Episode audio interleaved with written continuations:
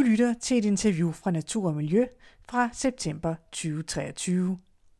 Interviewet, som vi har valgt at kalde Hvordan kan landbruget blive mere grønt, er lavet af mig, og jeg hedder Julie Søgaard. I Danmark står landbruget for cirka en tredjedel af alle drivhusgasudledningerne. FN's klimapanel IPCC vurderer, at der er store klimagevinster at hente i landbruget. En vej kan være at indføre en CO2-afgift. Men hvordan gør man det uden at ødelægge landbruget? Vi har bedt en af Danmarks fremmeste økonomer om at svare på en række spørgsmål. Jeg hedder Ulrik Bæk, og jeg er cheføkonom i øh, Kraka, som er en samfundsøkonomisk tænketank. Øhm, vi laver øh, sammen med Deloitte, rådgivningsvirksomheden Deloitte, laver vi øh, hvert år øh, to rapporter i, som en del af det, vi kalder vores Small Great Nation projekt.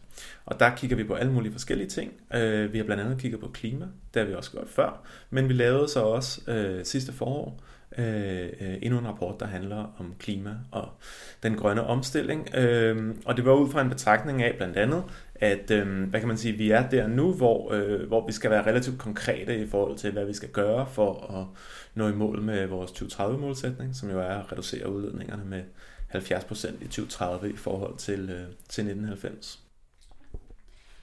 Godt, jamen lad os gå i gang med, med de her mange spørgsmål, vi har til rapporten.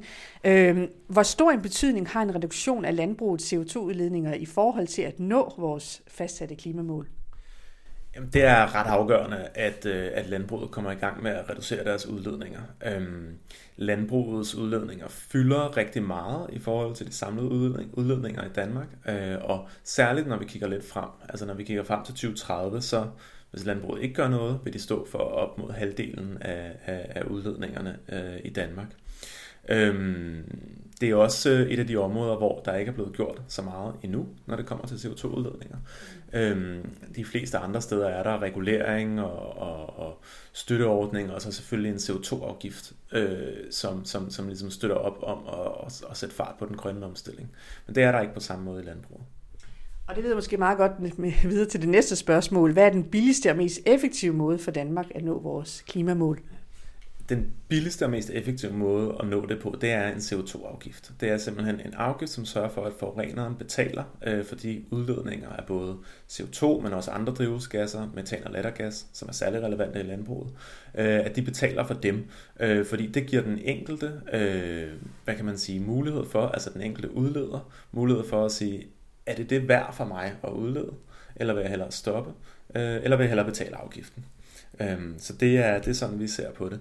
Og øh, vi var nogle af de allerførste, som ligesom, øh, kom med sådan et samlet bud på, øh, hvordan man kunne lave sådan en, en, en, en, en samlet CO2-afgift øh, for Danmark, og hvad niveauet skulle være. Og øh, ja, det har vi holdt ved i det spor siden, sammen med mange andre gode kræfter. Hvad vil det betyde for samfundet, hvis landbruget ikke reducerer deres CO2-udledning? Altså, man kan sige, der er jo ligesom to muligheder her. Ikke? Den ene mulighed er, at vi ikke når vores klimamål. Øh, det, er, det, det, det tror jeg er en ret reel mulighed, hvis ikke at øh, landbruget reducerer deres udledninger. Fordi så vil det være sådan, at øh, andre brancher skal, udled, altså skal reducere deres udledninger rigtig meget. Og eftersom de allerede har gjort en del, jamen, så er det ret dyrt for dem at gøre mere. Øhm, men altså, hvis man så skulle opnå målet, jamen, så ville det betyde, at det ville blive rigtig dyrt for resten af samfundet. Øhm, øh, og simpelthen den grønne omstilling vil blive dyrere end, end, øh, end, øh, end, end nødvendigt var, kan man sige. Så helt kort sagt, så vil vi alle sammen blive fattigere som, øh, som samfund, som skatteborgere. Nu har du nævnt, at der er ikke gjort så meget nu på landbrugsområdet, men hvor klimavenlig er landbruget egentlig i dag? Det er ret svært at opgøre i virkeligheden, hvor klimaeffektivt det danske landbrug er sammenlignet med øh, landbrug i udlandet. Altså det er simpelthen meget svært at finde gode undersøgelser af det. Øhm, det er selvfølgelig noget med, at det er enormt svært at måle, øh, hvor meget udleder den enkelte ko, og en dansk ko forskellig fra en tysk ko og sådan noget. Men der er også øh, sådan lidt mere filosofiske spørgsmål involveret, som handler om for eksempel alt det soja, vi importerer fra øh, Sydamerika for at fodre dyrene. Hvad vil der ske, hvis vi ikke gjorde det? Vil det så bare blive blive, øh, blive brugt et andet sted, øh, fordi det er en billigere og effektiv øh, øh, øh, hvad sådan foderkilde, eller vil, vil der øh, være mere regnskov Øh, det er sådan nogle spørgsmål, man skal stille sig selv. Ikke?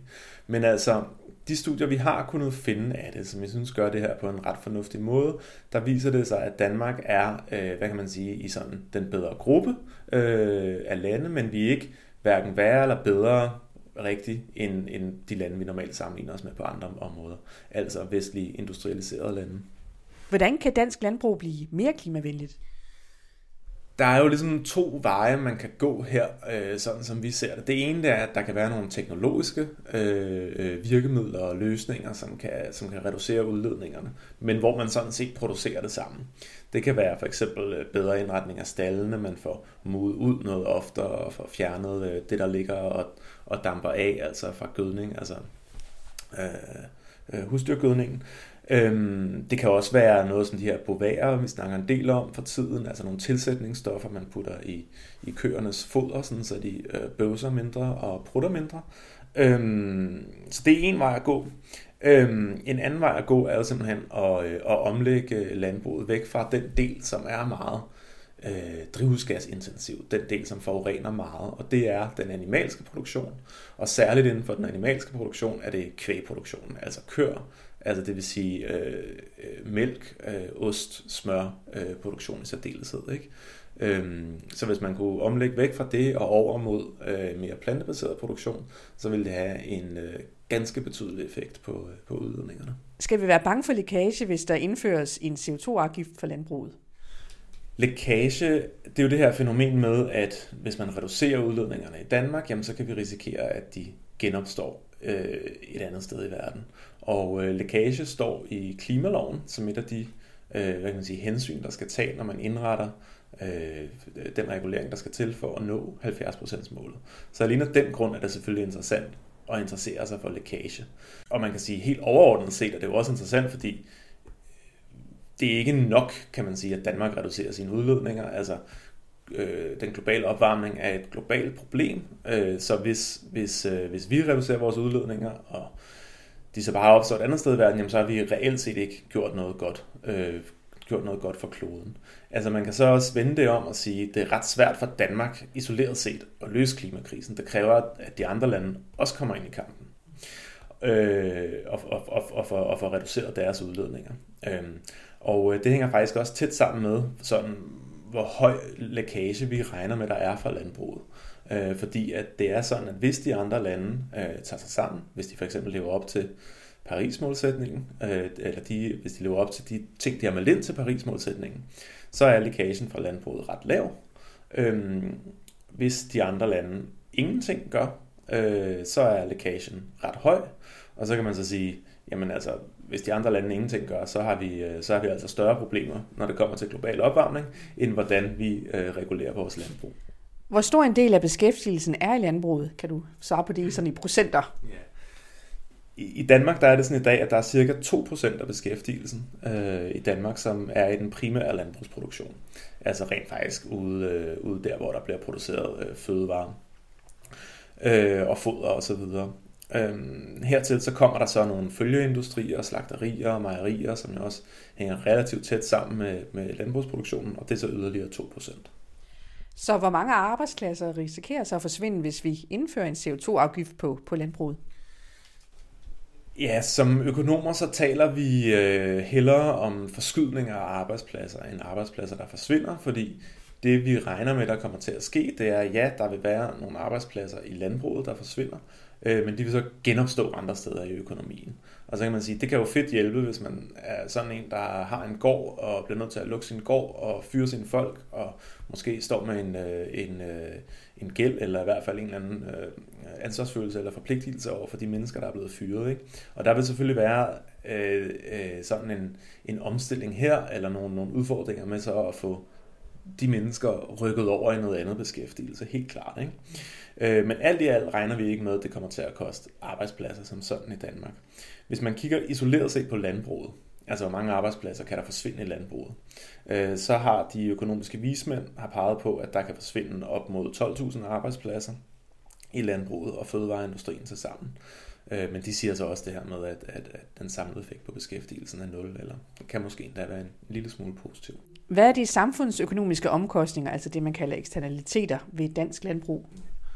Det er, jo et, øh, det er jo et rigtig godt spørgsmål, og det er, også, øh, det er også øh, svært at svare på, fordi at det kræver, at man ligesom kan værdisætte alle de her eksternaliteter, der kommer fra landbruget.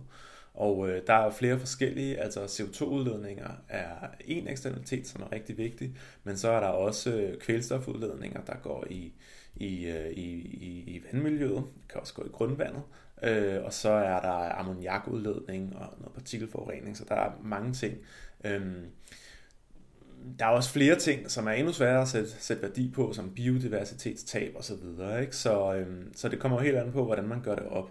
Vi har lavet en analyse, hvor vi har fire eksternaliteter med. Øhm, øh, vi dækker ikke biodiversitet, det er nok en vigtig en, vi ikke har med, men øh, det kunne vi simpelthen ikke sætte tal på.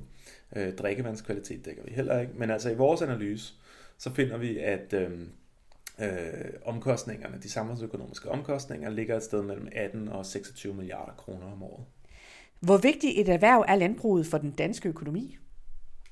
Jamen, det fylder øh, meget lidt i den samlede danske økonomi, som det er i dag. Øh, det fylder cirka 1% af den samlede værdiskabelse. Øh, og så igen følgeindustrierne fylder et par procent, men øh, det er det, vi er nede på. Og det er selvfølgelig øh, en stor ændring fra, hvordan det har været tidligere. Altså tidligere har det fyldt øh, meget, meget mere, men, øh, men ja, det er sådan, det ser ud i dag.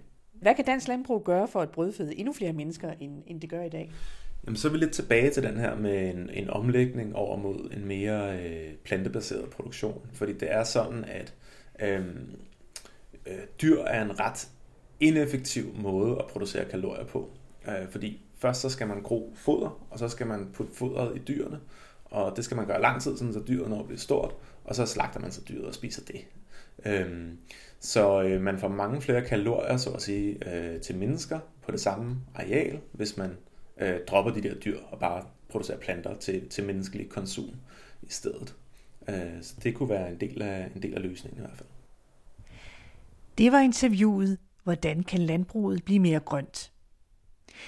Hvis du vil lytte til andre artikler fra Natur og Miljø, så gå ind på hjemmesiden dn.dk-lyt.